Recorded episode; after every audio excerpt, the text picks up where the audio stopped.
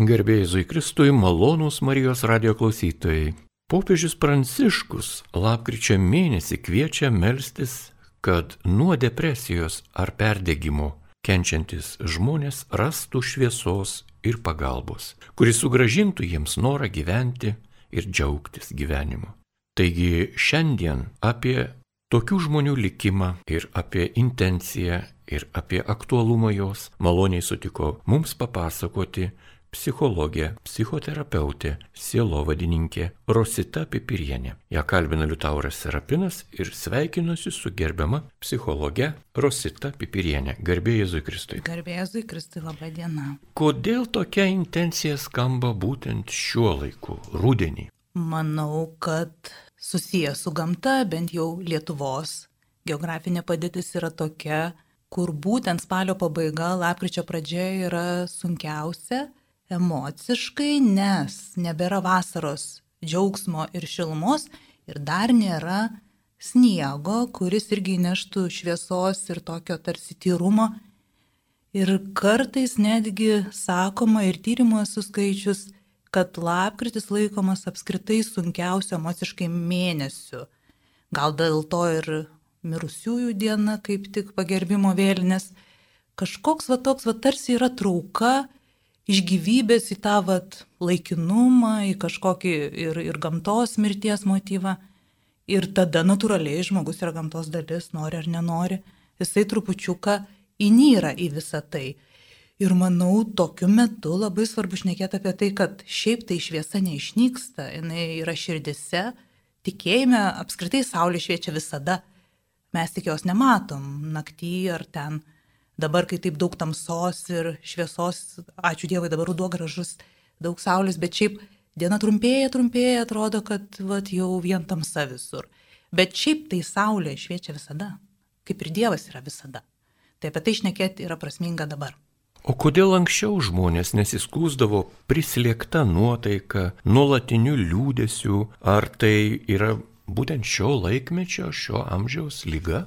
Žinokit, aš irgi apie tai maščiau ir kur matau kažkokią sąsąją, kad vat, atsakymas tarsi nuramintų mus, nes dažnai būna atsakymai dar daugiau klausimų sukelia ir tada dar sunkiau. Tai vienas iš tokių yra, man bent jau išsivyščiusių šalių problema yra ta, kad jie viską tarsi turi ir tada va, tas prasmės motyvas yra, o tai dėl ko tada gyventi? Nebeprivaloma rūpintis maistu taip stipriai ten kažkaip, viską daro mašinas daugumoje būtyje Mes nebeturim darbų, pareigų, natūralių tokių dienos ritmui, metų ritmui.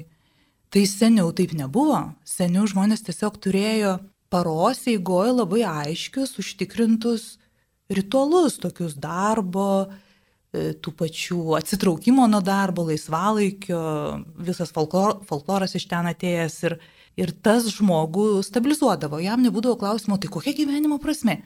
Tai čia, žinokit, depresija, jinai, jeigu diagnozė kaip, kaip lygos, kaip jinai tikrai yra gana nauja, savotiškai, bet tai yra daugiau su prasmės praradimo ritualų, aiškių vertybių tokių, nes labai yra daug patogumo. Ir tas patogumas šiek tiek žmogų nukreipia va į tokį, o tai kas tada, o tai kur aš tada turiu būti vertingas, prasmingas, tai ką man tada daryti, jeigu viskas jau padaryta. Tai nedrįstu teikti, kad tai yra visiška tiesa, bet vat, hipotezės tokias kelia, kad depresija yra iš to beprasmumo, tarsi mes nebeturim natūralių, įprastų mums ritmo kažkokio darbų, laisvalaikio ir pusiausviros tarp laisvalaikio ir, ir darbų.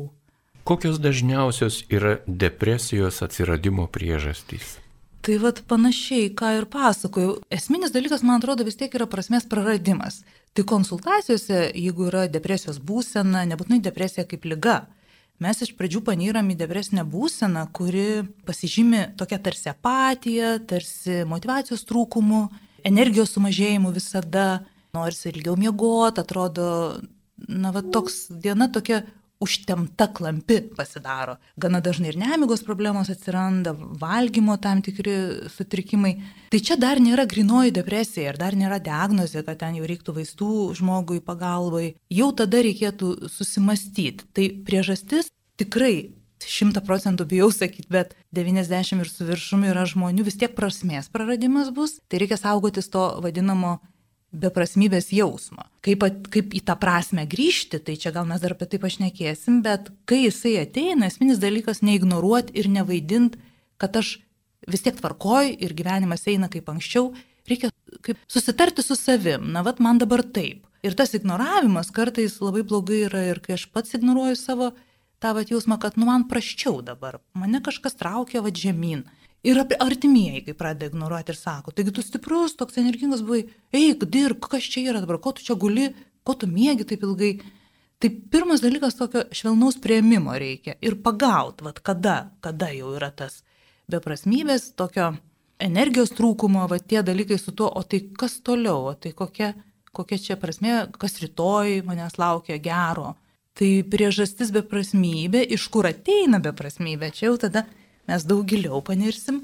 Tai ten yra jau įvairių dalykų ir su savivertė problemų gali būti, dažnai depresijos apimtam žmogui savivertė yra nestabili, jisai save vis tiek labai stipriai nuvertina, kitus dažniausiai pervertina, jisai galvoja, kad kiti va tai daug pasiekia, jie daug uždirba, jie viskas sekasi, jie ten aktyvus, o iš tikrųjų tai ne, visiems yra visko ir visi žmonės yra patyrę bent jau apatijos epizodus ir tokio užstrigimo, motivacijos trūkumo. Tai tas pavydas, vad kitiem ir toks savęs nuvertinimas gali būti irgi susijęs su depresijos pradžia. Dar gali būti, va čia labai įdomus dalykas, yra pykčio slopinimas. Ir kartais sako, čia dabar prie ko čia pyktis ir depresija, koks čia ryšys, žinokit, tiesioginis ryšys. Nes kai yra slopinamas pyktis, jisai kažkur nugula į mūsų psichiką, į mūsų širdį, nežinau, kur ten jausmai gyvena, ir jisai kaupia didžiulę energiją. Energija ten užsiblokuoja ir jūs įsivaizduokit, kiek tada energijos mes prarandam, kad tą pyktį blokuot tai mums tada nebelieka energijos gyventi. Tai pirmas dalykas, va, jeigu matosi depresijos epizodas ar kažkoks e, nukrypimas į tą pusę, kai jau žmogus atina kalbėtis, tai klausimas būna, ant ko jūs pykstat. Tai dažniausiai atsakymas yra, o nieko, viskas gerai, su visais aš draugauju. Tada aš klausiu, o dėl ko pykstat, jeigu ant ko nėra objekto, nes dažniausiai būna ir neigiama objektas, nes tarsi negražu pykti, pavyzdžiui, ant tėtės mamos, ant vaikų, ant sutoktinių, sutoktinės, kaimynų, pavyzdžiui, dar, darbdavių ten dar kažkur, nu nemandagu pykti. Tai sako ant nieko. O a, dėl ko jau, kai paklausiu, sako, na, va, tai žinokit, netinka man tas gyvenimas, čia man ir per daug darbų, ir va, dėl, dėl to aš pykstu, tada jau lengviau kalbėtis kaip tą pyktį paleisti. Tai kartais būna, kai iš depresijos veiksta žmogus ar iš to epizodo išeidinėja, žinokit, labai įdomiai būna skleidžiasi pyktis ir artimieji labai išsigasta. Jie kartais man skambina, sako, kažkas atsitiko, jis pradėjo keiktis, buvo toks dievo baimingas, ramus žmogus, sakau, sveiksta, ačiū Dievui. Tai va tada labai reikia nukreipti pyktį, kad jis nežeistų aplinkos ir nebūtų nukreiptas ne į tuos žmonės, kurie yra iš tikrųjų erzinantis, nes kartais būna natūralu, mes e, asmeniniuose santykiuose jaučiam pyktį vienas kitam, nieko čia tokio, apie tai galim kažkaip tai demokratiškai, mandagiai pasišnekėti. Tai va tokias priežastis dar truputį ir beviltiškumo čia va irgi paminėta, kad vilties reikia šviesos, beviltiškumo irgi yra motyvas, kad krinta į depresiją žmogus, kai vilties nemato. Tai ir sakoma, kad optimistai reiškia depresiją išgyvena rečiau ir į ją panyra negu kad pesimistai. Nu, čia jau natūra temperamentas. Ar galima kaltinti temperamentą depresijos pradžia? Tikrai ne. Mes gimėm tokie, kokie gimėm ir tai yra Dievo dovana, kad mes tokie ir mamos, ir tėčio, ir kitų genų. Bet ieškot va tokių motyvų ir kabintis. Ir tada ką daryti? Tai žinokit, vad ką daryti, čia gali būti, kad ilgai užtruks, dar mes pasiaiškinsim. Tai jūs paminėjote taip gražiai tas psichologinės arba būdo bruožų priežastis, kurias kiekvienas žmogus turi savyje iš prigimties ar kažkaip ir susiformuoja. O sakykite, depresijos priežastis ar gali būti, pavyzdžiui, neturtas, skurdas, girtoklystė, kvaišalų vartojimas, arba valstybės išlaikytinio gyvenimo būdas, arba lėtinė kokia lyga. Čia jau žinokit, bus tiesioginiai ryšiai, priklausomybės siejasi ir kartais natūraliai tam tikra priklausomybė neša depresinį foną arba atsidūręs į depresiją ir jeigu žmogus negydomas, nepadedama jam, nėra pagalbos, natūraliai formuojasi priklausomybiniai dalykai. Tai sakyčiau, priežastis gal nėra tas arba tas, tarp jų yra stipri sąsaja. Tai reikia visada žiūrėti, jeigu su depresija turim žmogų, visada perklausti priklausomybinių dalykų, ar jis neturi alkoholizmo problemų, nuo psichotropinių vaistų kartais jau būna raminančių migdomųjų priklausomas žmogus, nes jų ten seniai nemigojo gražiai, tvarkingai, tai jis jau pats savo kartais išsirašo per draugus. Tai yra blogai ir, ir geriau tikrai yra psichiatrai, psichoterapeutai, psichologai, tie žmonės, kurie supranta ir vaistų reikšmę, ir jo, jo dozę, ir ten poreikį, ir seka, ar teisingai veikia. Tai va čia gali būti taip, pritariu, priklausomybė ir depresija tikrai turi sąsają. Jeigu priklausomas žmogus yra ir jam nepadedama ir jis e, nebando ieškoti išeities, tikrai formuojasi kažkur depresinis būdas tarsi, bet ne visiems vienodai reiškiasi, nes yra žmonių, kurie va, hiperkompensacija išeina, tai jie tampa agresyvūs, jie kovoja už save, ne ten, kur reikia ir nes tais, kur reikia priklausoma asmenys. O kiti, vad, nueina į depresinį būvį ir periodiškai jiem yra tokie atkritimai, ypač kai trūksta to reikalingo dalyko ten, nuo ko jie priklausomi, ar ten lošimas būtų ar ką, tai gali eiti depresinis visiškai toks atkritimas ir, ir taip, čia yra ryšys, ten jūs minėjote dar ir kitus dalykus apie nugalinimą, tai žinokit, šitą būtinai norėjau paminėti Nes čia labai svarbu artimiesiam žinot, kai žmogus yra depresyvus ar sergantis tikrąją depresiją ir gydomas jau antidepresantais, jokių būdų negalima jo nugalinti. Ir va čia ir socialinės visos pagalbos, ir socialiniai visi visos aukos, labdaros yra labai gerai, aš visai už tai. Altruizmas turi būti pasaulyje ir ačiū Dievui, kad jis yra. Bet mes turim matyti, kad žmogus netaptų daržovė, aš taip sakau. Nežinokit, jau jeigu žmogų nugalina iki tiek, kad jam net arbatą neša į lovą, o jis nu tikrai dar gali tą pasidaryti, tai jau, žinokit, yra jo negydimas čia ir nepagalba, o atvirkščiai tai yra kenkimas jam, destrukcija Nors depresyvus žmogus provokuoja šitą, jisai sėda į auką ir jisai tarsi mums sako, padėkit man visų kuo. O mūsų užduotis stebėti ir sakyti, ne, ne, ne, palauk, kojos nelūžia, taip, rankos nelūžia. Vat pabandyk, nu pabandyk nueiti į virtuvę pasidaryti arbatos. Tai kaip gydoma, tai žinokit, jeigu stipri depresija ir yra, prad, nu tokia vat pradinė gydimo stadija, tai ir gydoma taip kviečiamas žmogus daryti mažus žingsnelius. O gal šiandien gali ir pusryčių pasidaryti, ne, ne, negaliu tik arbatos. Na rytoj tada tai ką, nu kiaušinis virtai jau labai gerai. Ir pagrindinis dalykas nenuvertinti pasiekimų. Nes kai jau žmogus gyja, jisai pradeda daryti mažus žingsniukus, veiklos kažkokios, kad ir būty, maudosi dažniau, rūpinasi higieną, nes būna ir šitą apleidžia viską, depresyvų žmonės.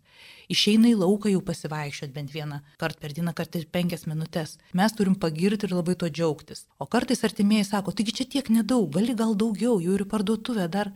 Tai va čia atsargiai reikia Nes kantrybė ir tolerancija tam emociniam būviui to žmogaus labai labai svarbu. O po to jau po trupučiuką mes turim jį skatinti. Tai pagrindinė problema su depresijos žmogumi gyvenant arba įgydant arba bandant padėti visokiom pagalbom socialiniam ar dvasiniam ar psichologiniam yra labai sunkus jautimas, kada reikia toleruoti ir priimti jo apatiją ir nespausti ir nefrustruoti, o kada reikia, aš taip sakau, negražiai daryti spyrį į šikną ir sakyti, e, pas tave jau yra užuominas, tu jau esi aktyvesnis, gal gali tą panaudoti ir kažkur pasakyti savo aš galiu ir trupučiu daugiau padaryti negu vakar padarėjai. Tai čia, žinokit, ir aš neturiu atsakymą, čia kartais tai iš tikrųjų, va, nu, tiesiog melstis reikia ir kažkaip gauni nuorodą, o dabar šitam žmogui gal šitą reiktų pasiūlyti. Ir suveikia. Bet jeigu jis atmeta, jokių būdų nereikia jo kaltinti ir sakyti, nu kaip tu taip. Na, va toks kažkoks tai, toks švelnus ėjimas kartu, toks tėviškas su motinišku kartu maišytas turi būti. Ir vad neaišku, kada mes turi būti kaip mama tam žmogui, pasupt ant rankų netiesiogiai, o kada kaip tėtis ir pasakyti, tu gali, tu pabandyk, vad aš pažiūrėsiu ir tau manau, kad pavyks. Tai čia toks sunkus klausimas iš, išbalansuotame. Jūs girdite laidą apie lapkričio mėnesio popiežiaus kvietimą melstis, kad nuo depresijos ir perdegimo kenčiantys žmonės rastų šviesos ir pagalbos. Šioje laidoje jums apie depresijos požymius ir apie tai, kaip galima padėti tiems žmonėms, kurie galbūt ir jaučia tą depresiją, galbūt įsivaizduoja, kad yra depresyvūs, bet kuriuo atveju turi kažkokį nerimą, rūpestį, prislėgimą, pasakoja psichologija, psichoterapeutė Rosita Pipirienė. Ja kalbina Liutauras Serapinas. Kaip Jūs manote, gerbiama Rosita, kodėl popiežiaus intencija yra svarbi ir depresija yra gretinama su perdegimu? Gal tai turi ką nors bendro? kad perdegimas tikrai būna susijęs su depresiniam būsenom, tai taip, nes jeigu yra jau perdegimo sindromas arba išsekimo, arba to chroninio nuovargio, kai jau mes per ilgai būnam pavargę ir neturim atostogų, laisvų dienų, tai depresinė būsena kažkur šalia bus. Kaip jinai reikšis, čia labai skirtingai. Vieni, pavyzdžiui, ją greit sukontroliuoja, nes matot, perdegimas ir darboholizmas tas vadinamas būdingas labai stipriem žmonėm, labai aktyviem, tokiem arba labai pareigingiam, tokio vat, atsakomybės daug jie prisimti moka ir gali. Jie labai ilgai nepripažįsta, kad jie gali pavarkti. Ir tai yra jau antžmogiška, aš tai vadinu trupučiuką, na, nesusidėvinkit. Tikrai žinokit, mes galim daug, Dievas mums ir jėgų duoda, ir energijos, bet mes ne dievai. Ir ačiū Dievui, kad yra tik vienas Dievas. Ir va čia, žinokit, yra problema su tais stipriaisiais žmonėm ir ypač jie vadinami tokie labai saureiklus būna ir, ir aš daug galiu, aš sugebu. Tai po to natūraliai jiem būna iškritimas. Na, kūnas mūsųgi vis tiek yra ribotas. Mes ir pamiegoti turim, ir pavalgyti, ir palsėti. Ir aš kartais taip sakau, pažiūrėt va švelniai į vieną tašką, ar į medžio lapą, ar į tekantį vandenį, ar bažnyčiai žvakės ramiai Tai va čia, žinokit, jie to nepagauna. Kažkaip jiem atrodo, kad reikia varyti save tol, kol nugriūsiu, o tada dar pakelt ir dar pavaryti trupučiuką. Ir tada jau griūna visiškai. Ir žinokit, jie labai labai slepia nuo savęs, kad jie jau sugriuvę ir nuo kitų. Tai dėl to čia yra tokia kaip paslaptis trupučiuką perdėgymus sergantis išsekimus žmonės labai ilgai gali savo depresyvę būseną slėpti ir jie tą daro vieni, užsidarę ten, dinksta iš darbo, jiems skambina, sako, ai, tai čia aš biškai persišaldžiau, trupučiuką nedarbingumą pasėmiau, o iš tikrųjų yra grinas, totalus pervargimas, jie nieko neserga, bet jie nebegali to pripažinti, tarsi kažkokio gėdos tame turėtų jausmą ar kalties, nieko panašaus. Jie yra tiesiog žmonės ir kaip ir visi pavarksta, bet va tas užsispyrimas, kad aš turiu būti hiper kažkoks tai išsipildęs, Aišku, čia dar mūsų visuomenė vakarų varo į tai lyderių formavimas toksai, visi būkim lyderiais, visi būkim pirmieji, atsiprašau, o tai kas tada paprastus darbus darys ir, ir tiesiog ramiai gyvens, jeigu mes visi rausim save į priekį. Tai čia yra vat, jau kita pusė. Ir kaip depresija pas juos ateina, tai labai labai nejučia. Tai va tas žmogus, kuris nėra linkęs į perdygimą, jis gal net greičiau pastebi, kad jam yra liūdna, bet kažkaip jam trūksta prasmės, O su perdegimu ir įsikimu susiję žmonės tame, kurie paskesta, jie daug ilgiau nepripažįsta. Ir tada, žinokit, tas ir jų gražinimas į realų gyvenimą, į tą pusiausvyrą, kartais užtrunka dar ilgiau negu va tą žmogų, kuris greičiau sako, tikrai man bloga, aš nebegaliu. Tai kad susiję tai taip ir jiem tikrai kartais reikia tiesiog pasakyti, viskas gerai, tu gali, gali turėti atostogas periodiškai, tau nereikia tris metus neturėti jų Yra žmonės, nu, pakeis tave kažkaip, nepakeičiamų nėra, nes dažniausiai sako, o kas be manęs tuos darbus padarys? Aš sakau, kažkas kitas. Tai jiem va, to tikėjimo kitais, pasitikėjimo Dievu galų galenu, kažkas tai, kažkas tai sutvarkys ir tuos namus, ir indus išplaus, na galų gale išplausim rečiau, ne kiekvieną dieną. Čia yra truputį kitoks darbas, bet susiję tikrai depresinis fonas prie perdėgymo jis visada, kol jeigu žmogus nekreips dėmesio ir vis dar ignoruos, ignoruos, jį visiškai paguldys ir labai dažnai žinokit gali paguldyti psichosomatinės lygos. Tai dar bus taip, kad jie nepripažins, kad čia psichologinis sunkumas nuo pervargimo. Jie sakys, čia man aukštas spaudimas, migrena.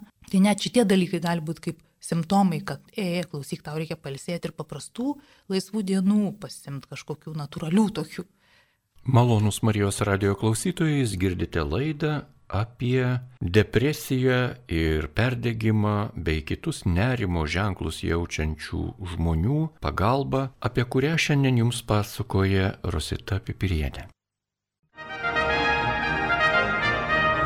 Jūs girdite Marijos radiją.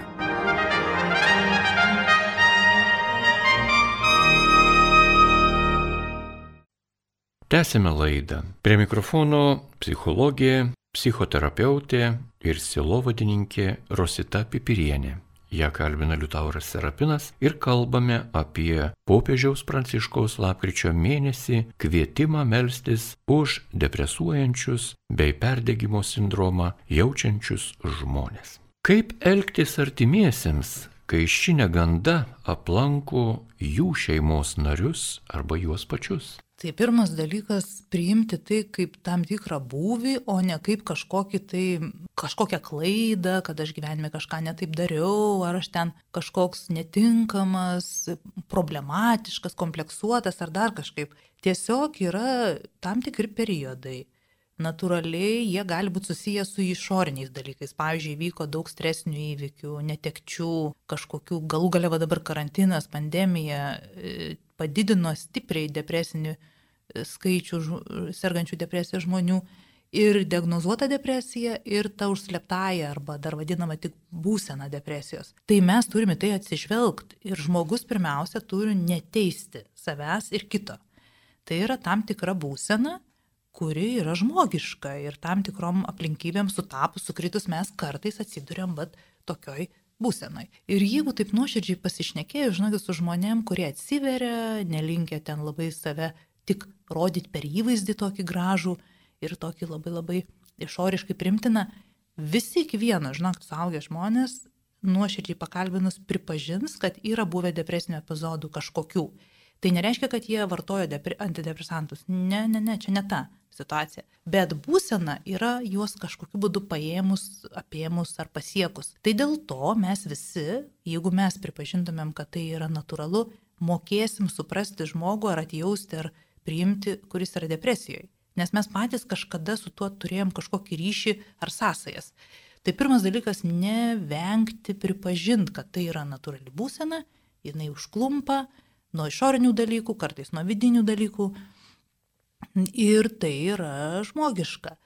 Tada vėlgi, kaip minėjau, labai svarbu yra kantrybė, tolerancija, tai yra ilgas lėtas kelias, tai yra tarsi va tas eiti kartu, paduoti ranką, kartais apkabinti, kartais atsitraukti, nes depresijos apimtam žmogui vienatvė būna svarbu, jisai kažkaip turi turėti tos vienatvės, nors mes kartais bijom, o Dieve, jis taps visiškai vienišu, užsidarys, bet jiem tuo metu vat, kažkas vyksta kaip su gyjimu kažkokiu, kaip sako, kūdikis auga miegodamas, tai depresijos apimtas žmogus vis tiek vienatvė, jis susitinka su savim kažkaip stipriau ir jam reikia tų valandų, pusvalandžių ar minučių vienišumo, nes kartais depresijos apimtas žmogus taigi visi nori linksminti, vesti visokius ten renginius, ir, o jam tuo metu rūpi va tas gal tylos laikas, galų gale, jeigu mes kalbame apie tikinčius žmonės, kurie depresiją apturi kažkaip, tai jie maldos laiką turi turėti.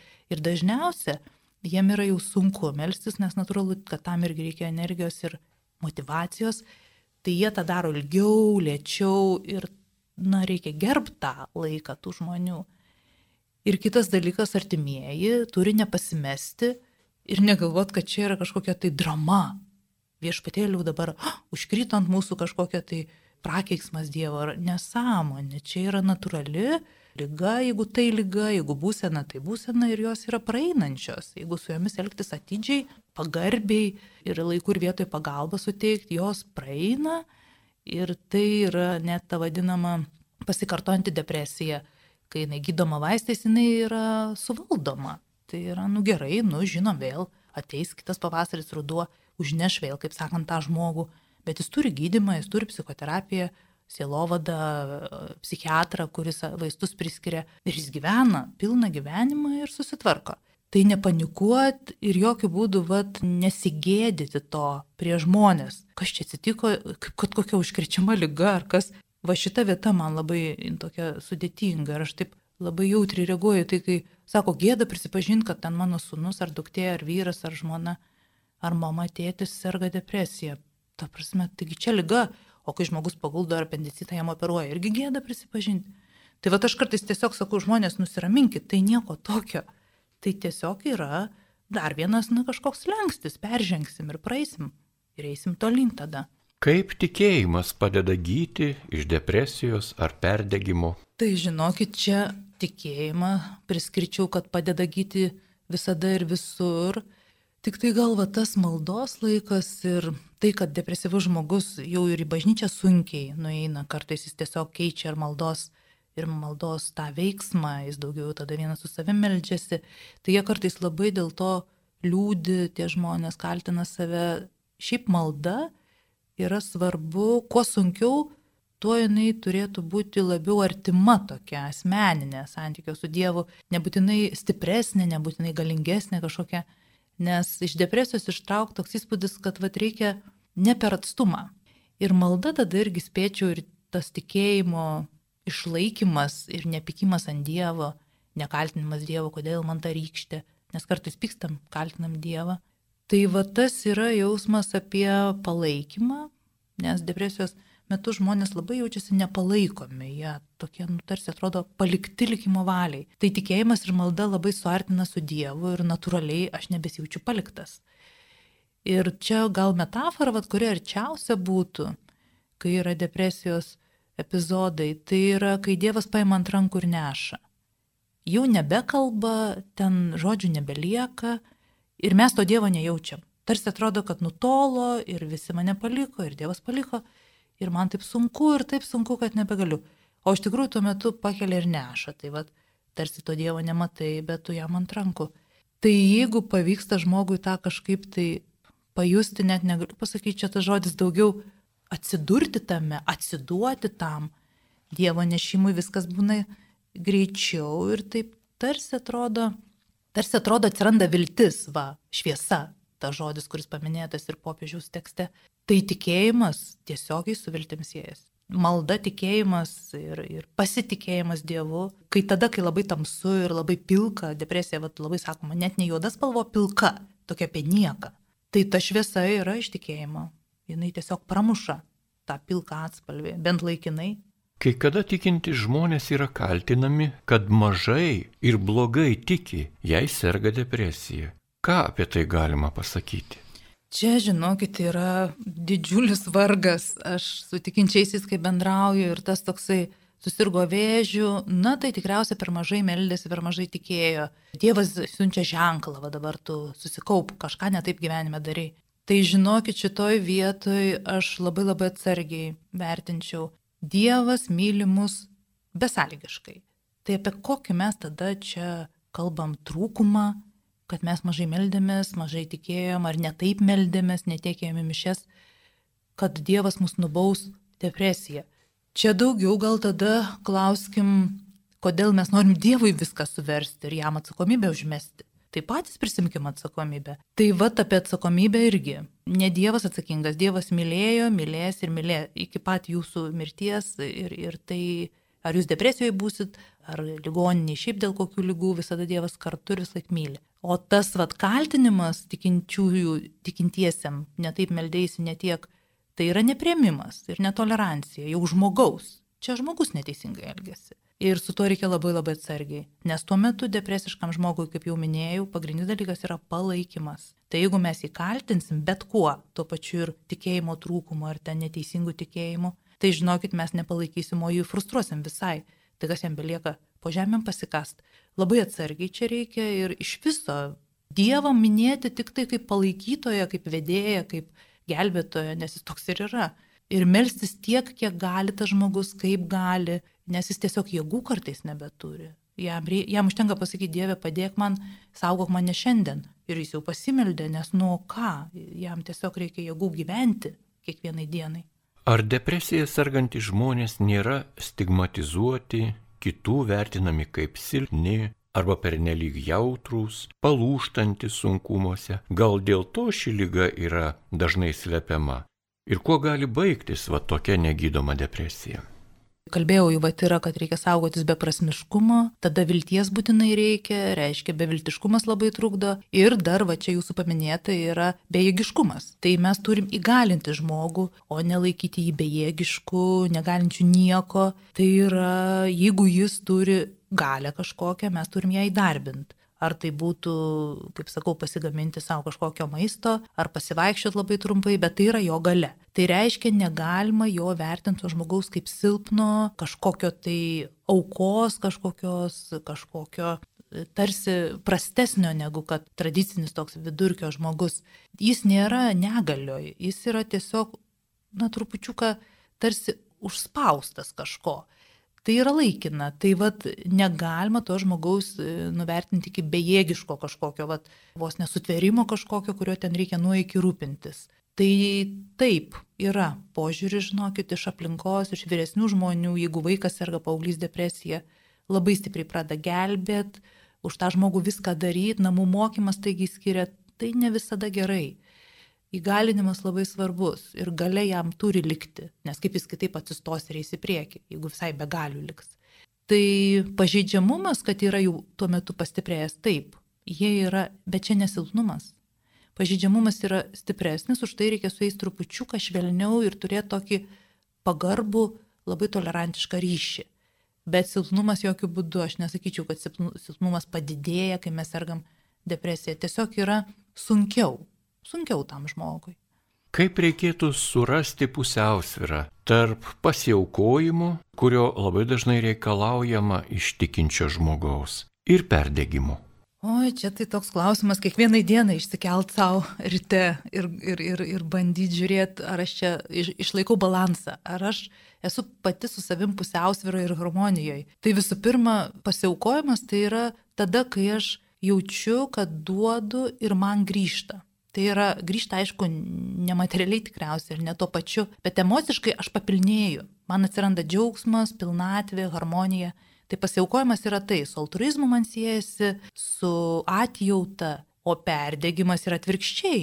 Aš duodu ir aš tuštėju, iš manęs vis lieka mažiau, mažiau energijos, mažiau motivacijos, mažiau jėgos. Tai pirmą per tai pasilyginkim. Ar kažkokie darbai, kuriuos mes kitiems žmonėms skiriam, ar ten mūsų tarnystės, bažnyčioje, bet kur labdaros kažkokios, ar po jų mes grįžtam papilnėję ir emociškai labiau džiaugsmingi ir, ir labiau besidžiaugiantis apskritai gyvenimu, ar mes grįžtam gatavi, kaip sakau aš žargonu, ir tik į lovą griūti ir nieko nebenorim, nebegalim. Tada, žinokit, jau į perdygimą labiau panašu ir į tą nepasiaukojimą arba nealturizmo, tą neteisingą patologinę auką. Tai yra aš aukoju save ir aš sudegsiu tai jau Dievas pasiaukojo už visus, nebereikia savęs deginti ir, ir gyvenkim, kad būtumėm gyvi, nes mes negyvi nereikalingi. Mes negyvi jau būsim palaidoti, kitam pasauliu būsim. O čia, šitam pasauliu turim rūpintis ir savo kūnu, ir, ir pavalgyti, ir pamiegoti. Tai vad pusiausvyrą atskirti netaip paprasta, ypač tiem žmonėm aš pat irgi labai daug dirbu ir kartais man labai reikia aiškiai pasakyti savo, stop, dabar eini pamiegoti, gana jau čia. Liūdni, pervargę žmonės dažniausia būna labai vieniši, nenori bendrauti, tačiau taip dar labiau grimsta į tą atskirtį, kaip jiems galima padėti, kas prislėgtiems žmonėms sugražino norą gyventi. Tai čia jau galima kaip apibendrinti šiek tiek, kad vat, pagrindiniai dalykai saugotis tų trijų be - beviltiškumo, beprasmiškumo ir bejėgiškumo. Tai jeigu pats žmogus galėtų savo pasakyti, kad na aš pasižiūrėsiu, kas man yra viltis, prasme ir gale šiandien, šiai dienai, tai jis rastų kažką. Kitas dalykas, kai mes su juo dirbam arba jam padedam arba jį kažkaip globojam tą žmogų, mes irgi turime jam šitą pasakyti. Tu turi pažiūrėti ir tu gali vat, kažką apie prasme, kažką apie viltį, kažką apie galę. Tai šitoj vietoj užduotis yra, na, kažkokiu būdu truputį pamastyti. Mąstyti galima ir lovai gulint. Nėra lengva ir va tada apie tą atsakomybę mes kalbam, kiek jūs galite čia atsakomybės prisimti. Ir jeigu tai net ir ten vienas procentas atsakomybės, jau gerai. Nenuvertint mažų pastangų. O šiaip liūdnumas, pesimizmas ir toks įgrimzdimas į save dažniausiai atstumia pašnekovus. Tai va, tada tiem žmonėm ir sakom, kad na, jūs ne patys iš savęs neįdomus ir ne, negeri žmonės. Jums dabar ta būsena užkrito ir jinai jums kaip kokia užuolaida trukdo susitikti su kitais žmonėm pilnai. Tai užuolaidą patrauksim ir tada bus kažkaip, nu, santykis tas socialinis taps malonesnis. Tai va čia kartais, kai kalbini žmogų gydytis, kai jam depresija, sakai, dabar taip atrodo, kad niekas tavęs nemyli, nes tu liūdnas ir visi tave kaltina, auka toks sako įkritęs. Tai užuolaida yra ne tu toksai ir va užuolaidą nudengiam. Reiškia, reikia primti pagalbą, nesispirioti ir nesakyti, aš pats, aš pats viską, arba, ai, jau palikit mane ramybėj. Reikia vis tiek kažkaip žmogų pakelt gyvenimui. laida jau artėja į pabaigą ir dar norisi jūsų paklausti. Tiesiai ir stačiai, ar galima iš depresijos pasveikti? Ale ir paklausė tiesiai ir stačiai. Žinokit, depresija yra laikoma įdomi lyga, jinai tokia, kai jau yra diagnozuota depresija su antidepresantais. Jinai laikoma tokia, tokia tarsi burtai šiek tiek. Ir tiesiai ir stačiai, jeigu atsakyt, sustabdyti ją galima, visiškai gražinti žmogui adekvačiai, prasmingą gyvenimą galima, bet visada mes turėsim tokį klaustuką. Ir žmonės tai žino, kurie serga depresija, sirgo, jie žino, kad reikia visada būti su savim budrume. Jeigu tik užneša kažką, iškart reikia rūpinti savim. Tai čia yra apie tikrąją diagnozuotą depresiją. Jis yra tokia klampi lyga, dėl to jinai visada turi būti atsargiai stebima. Ar paties žmogaus, ar jo psichoterapeuto, ar dvasininko, kuris silovada jam suteikia, ar, ar kažkokio artimojo žmogaus, bet dažniausiai artimieji tą žino. Kitas dalykas, jeigu tai yra depresinės būsenos, kurios būdingos, kaip sakau, šimtam procentų žmonių bent kada užeina gyvenime, iš jų pasveikstama tikrai ir jos gali iš viso nebesikartoti, jeigu žmogus suranda kažkokią atsvarą ir jis tiesiog tada paliūdi, kai jam jau sunki va ta būsena, užeina gal ir melancholija kokia, gal nostalgija, bet jis iš jos išskapsto pats ir tai yra nebedepresinė būsena. Tai šitie dalykai tikrai sustabdomi, pagydomi ir jie gali visiškai nebesikartoti, žmogus įgauna galę, maldos pagalba, savo jėgų pagalba, draugų pagalba, nežinau, tvarkytis, kad iš viso nebebūtų depresinių būsenų. Tai paklausiu dar stačiau. Mhm. Ar yra žmonių, kuriems negresia depresija? Ne, nėra. Ir visus tuos, kurie jaučiasi galingi ir hiper kažkokie ten tonizuoti ir hiperenergingi, perspėju, kad būkite su savim geram santykiai, džiaugsmingam, harmoningam, bet neperdozuokit savęs, nes mes visi žmonės, mums visada reikia kito žmogaus, reikia kažkokios jėgos, aukštesnės Dievo, šiuo atveju, jeigu mes tikintis.